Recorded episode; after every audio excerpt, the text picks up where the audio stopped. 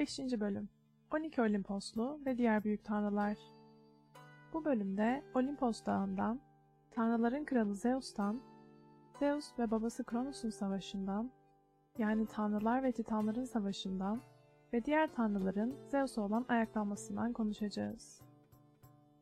Önce kısaca Olimpos Dağı ile başlayalım. Öncelikle belirtmek gerekir ki Olimpos Dağı neredeyse 3000 metre yüksekliği ile Yunanistan'ın en yüksek noktasıdır. Bu da ayrıca biraz sonra bahsedeceğimiz Titanlar Savaşı'nda Olimposluların kalesi durumundadır. Olimpos Dağı'nın bir efsanesi mevcuttur ki bu efsane göklerin tanrısı Zeus ile evlilik tanrıçası Hera arasında geçer. Efsaneye göre insanlar hayatlarını devam ettirirken birden insanlar birbirlerinden soğumaya, ayrılmaya başlamışlar. Tanrılar tanrısı Zeus, Hera'yı yanına çağırarak bunun neden olduğunu sormuş. Hera, insanlara ceza verdiğini, birbirlerinin değerini anlamaları için bunu yaptığını söylemiş. Ancak buna inanmayan Zeus, Hera'yı Olimpos dağının zirvesine çıkarmış. Ona amacının ne olduğunu, neden böyle yaptığını sormuş. Ancak Hera bunu bir türlü söyleyememiş. Zeus, güzellik tanrıçası Afrodit'in çabalarıyla Hera'yı affetmiş. Aradan yüzyıllar geçtikten sonra Hera, Zeus'a aşık olduğunu, bunu onun dikkatini çekmek için yaptığını Afrodit'e anlatmış. Afrodit hiç zaman kaybetmeden tanrılar tanrısının yanına giderek durumu anlatmış. Zeus, tanrıça Hera'yı yanına çağırıp bunu kendisine sormuş. Hera, insanlara zarar vermesinin nedeninin kendisine olan aşkı olduğunu Zeus'a itiraf etmiş. Tanrı Zeus, Hera'yı affederek onu sonsuzluk mekanına almış ve evlenmişler. Olimpos Dağı'na kaldığımız yerden devam edecek olursak, Homeros'a göre binbir doruklu, hep karla örtülü, pırıl pırıl ışıldayan bu dağ, öylesine sarp ve yüksektir ki göklere karışır. Doruğuna ancak uçan atlarıyla tanrılar ulaşabilirdi. En üst tepesinde Zeus taht kurmuştur. Oradan dünyada olup biteni gözler. Diğer tanrıların sarayları biraz daha aşağıdadır. Homeros'a göre Zeus'un sarayı ya tunçtan ya da altından avlusuyla çeşit çeşit daireleriyle tıpkı bir kral sarayı gibi Tanrı Hephaistos tarafından yapılmıştır. Zeus bu sarayın kralı, karısı Hera da bu sarayın kraliçesidir. Hera'nın tahtı da Zeus'un tahtının altındadır. Bu sarayda tanrıların hayatı şölenlerle geçer. Denizlerin ve suyun tanrısı Poseidon, karısı deniz dibi tanrıçası Amfitrit ile birlikte denizlerde yaşardı. Yeraltının ve ölülerin tanrısı Hades ise karısı Persephone ile birlikte yer altında yaşardı. İlk işleyeceğimiz Olimposlu tanrı olan Zeus ile devam edelim. Tanrıların ve insanların babası Zeus, Yunan mitolojisinde en güçlü ve en önemli tanrıdır. Gökyüzünün, şimşek ve gök gürültülerinin tanrısıdır.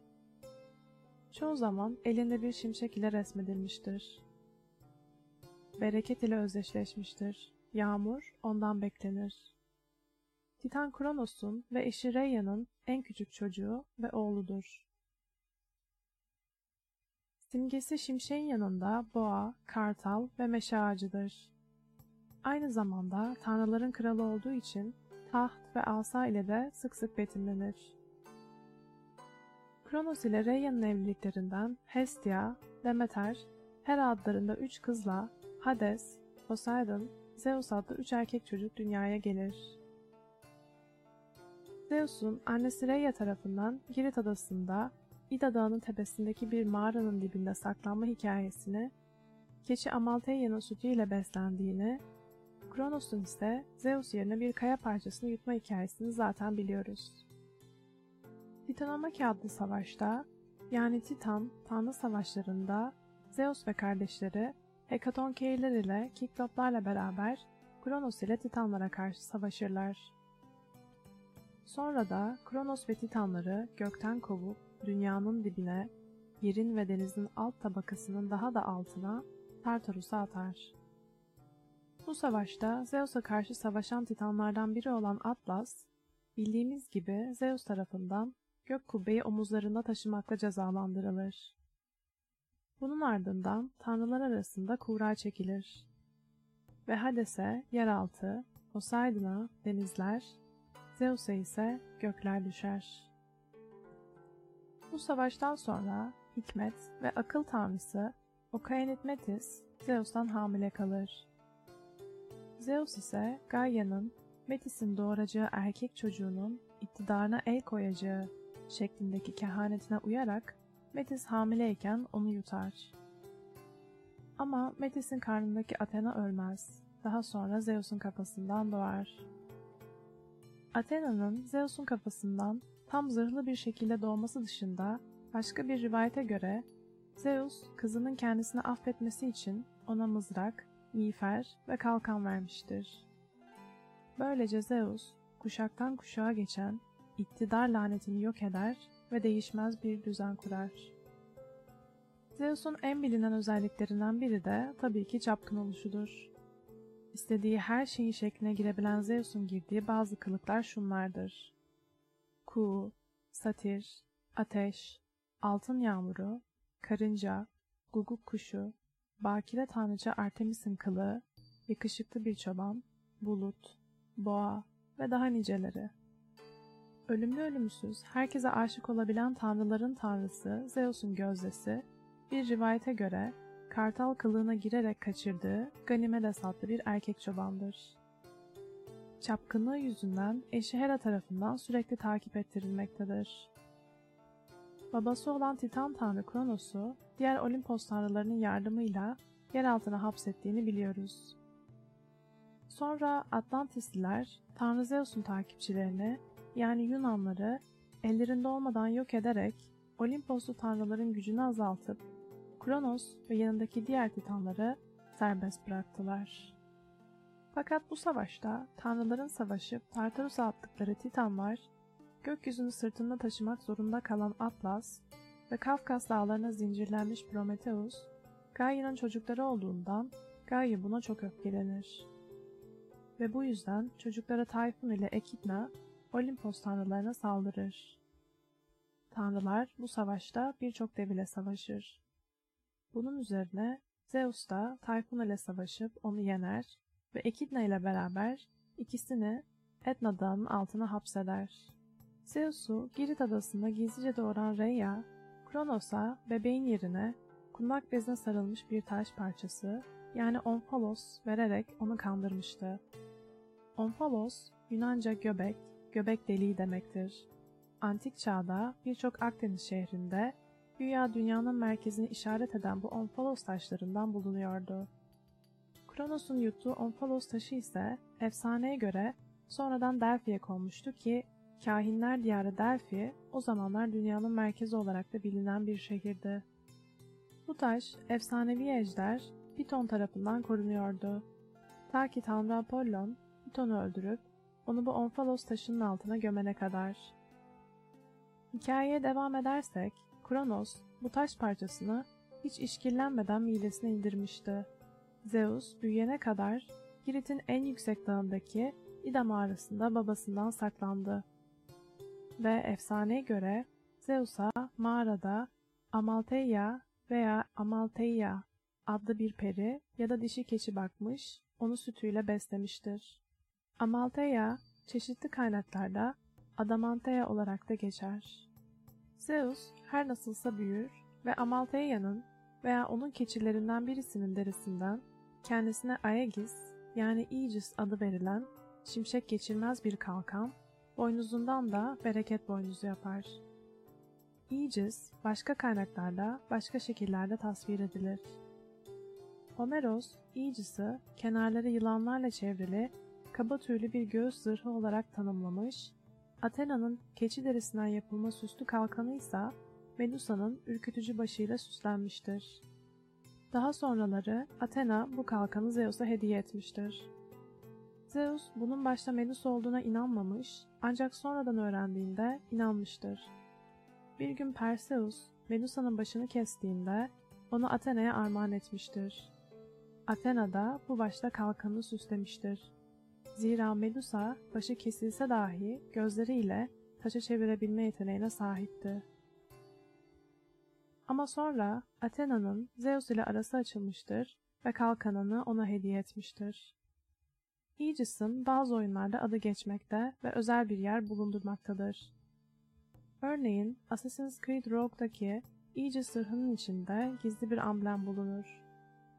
Bu amblem Aegis'in üstündeki Medusa'nın kafasıdır. Ayrıca Aegis'i Zeus'un kızı Thalia'da kullanmıştır. Zeus'un bundan sonraki ilk işi babası Kronos'a kusturucu bir içki içirmektir. Bu içkiyi içince korkunç Titan o zamana dek yutmuş olduğu tüm çocuklarını en son Zeus diye yuttuğu taşla beraber bir bir kusup çıkarır. Zeus kardeşlerini kurtarmakta kalmaz. Tartaros'ta mahpus yaratıkların başına Kronos tarafından gardiyan tayin edilmiş Kampe adlı dişi ejderi öldürerek oradaki devlerin, Hekatonkeirlerin, Kiktopların esaretine de son verir. Kiktoplar, demirci tanrı Hephaistos'la birlikte Zeus'a silah olarak şimşeği üretip verirler. Sterops, şimşeği ham haliyle üretmiş, Brontes buna şimşeğin gürültüsünü, Arges ise parlaklığını katmıştır. Hephaistos ayrıca Poseidon'a üç dişli yabayı, Hades içinde görünmezlik sağlayan meşhur miğferi üretir. Ordu toplanmış, silahlar hazırlanmıştır. Artık savaş başlayabilir. Olimpos tanrılarıyla Titanlar arasında 10 yıl boyunca kıyasıya sürmüş bu savaşın detaylarını anlatan Titanomakyalar yani Titanlar Savaşı'nı anlatan destanlar ne yazık ki kayıptır. Elimizde kala kala Hesiodos'un Theagonia'daki kısa Titanomakya bölümü kalmıştır. O fragmandan anladığımız kadarıyla savaşta Titanların üssü Otris Dağı olmuş, Olimposlu tanrılar da Otris'e hücum etmişlerdir. Savaşta uzun süre iki taraf da birbiri üzerinde belirgin bir üstünlük kuramamıştır. Fakat bu durum Zeus'un Tartaros'tan kurtardığı Hekatonkeirlerin Olimpos tanrılarının safına geçmesiyle değişir. Yüz kollu, elli başlı Hekatonkeirlerden biri olan Öfkeli Kottos, Zeus'un kendilerine yaptığı iyilik karşılığında ona bağlılık yemini edince bütün Olimpos tanrıları bu durumu coşkuyla kutlarlar. Zeus, gökten yağdırdığı şimşekleriyle üç Hekatonkeir de toplam 300 kolla birden attıkları koca kayalarla Titanları Tartaros'a gömerler. Poseidon, Tartaros'un etrafına tunç duvar ve kapılar örer. Böylece dipsiz ve karanlık çukuru tam bir zindana çevirir. Bu zindana tıkılmış Titanların bekçiliğini yapma görevi yine Hekatonkeirlere verilir. Fakat Olimpos tanrıları tüm Titanları hapsetmemiştir. Iapetos'un oğulları Epimetheus, Prometheus, Atlas ve Okeanos'un kızı Metis, ayrıca çoğu dişi Titan Tartaros'a tıkılmamıştır. Tanrıların ayaklanmasıyla devam edelim. Zeus'tan daha iyi yönetici olduklarına inanan Athena, Hera ve Poseidon, diğer tanrı ve tanrıçaları kışkırtarak Zeus'a karşı ayaklanırlar. Bu ayaklanmaya Hestia katılmaz. Zeus uyuduğu esnada bu direnişi planlayan tanrılar onu yatağına zincirlerler. Silahlarını ulaşamayacağı bir yere taşırlar ve bu başarılı darbe için birbirlerini kutlarlar. Fakat kutlamalar kısa sürer. Zeus devrildiğine göre yerine kim geçecekti? Tanrılar aralarında tartışmaya başlarlar. Her biri kendisinin daha iyi yönetici olduğuna inanır. Hiçbiri geri adım atmaz.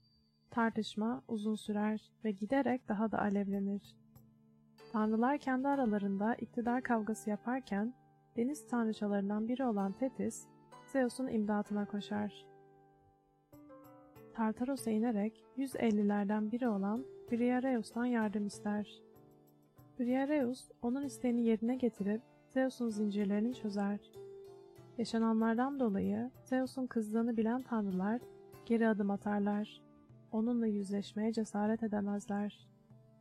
Zeus yeniden başa geçer ve tüm tanrıları bir daha onun gücüne karşı çıkmayacaklarına dair yemin etmeye zorlar. Zeus ayrıca adalet adına Hera'yı itaatsizliğinden dolayı cezalandırmaya karar verir. Bileklerine zincir vurdurur ve ayaklarına da örsler taktırarak gökyüzünden aşağı sallandırtır. Daha sonra serbest bırakılan Hera bir daha isyana kalkışmaz. Zeus'un hayat hikayesi kısaca bu şekilde. Zaten diğer Olimposlu tanrı ve tanrıçalardan bahsederken Zeus'tan bolca konuşacağız. Bir sonraki bölümde ise Olimposlu tanrılara Hera ile başlayarak devam edeceğiz.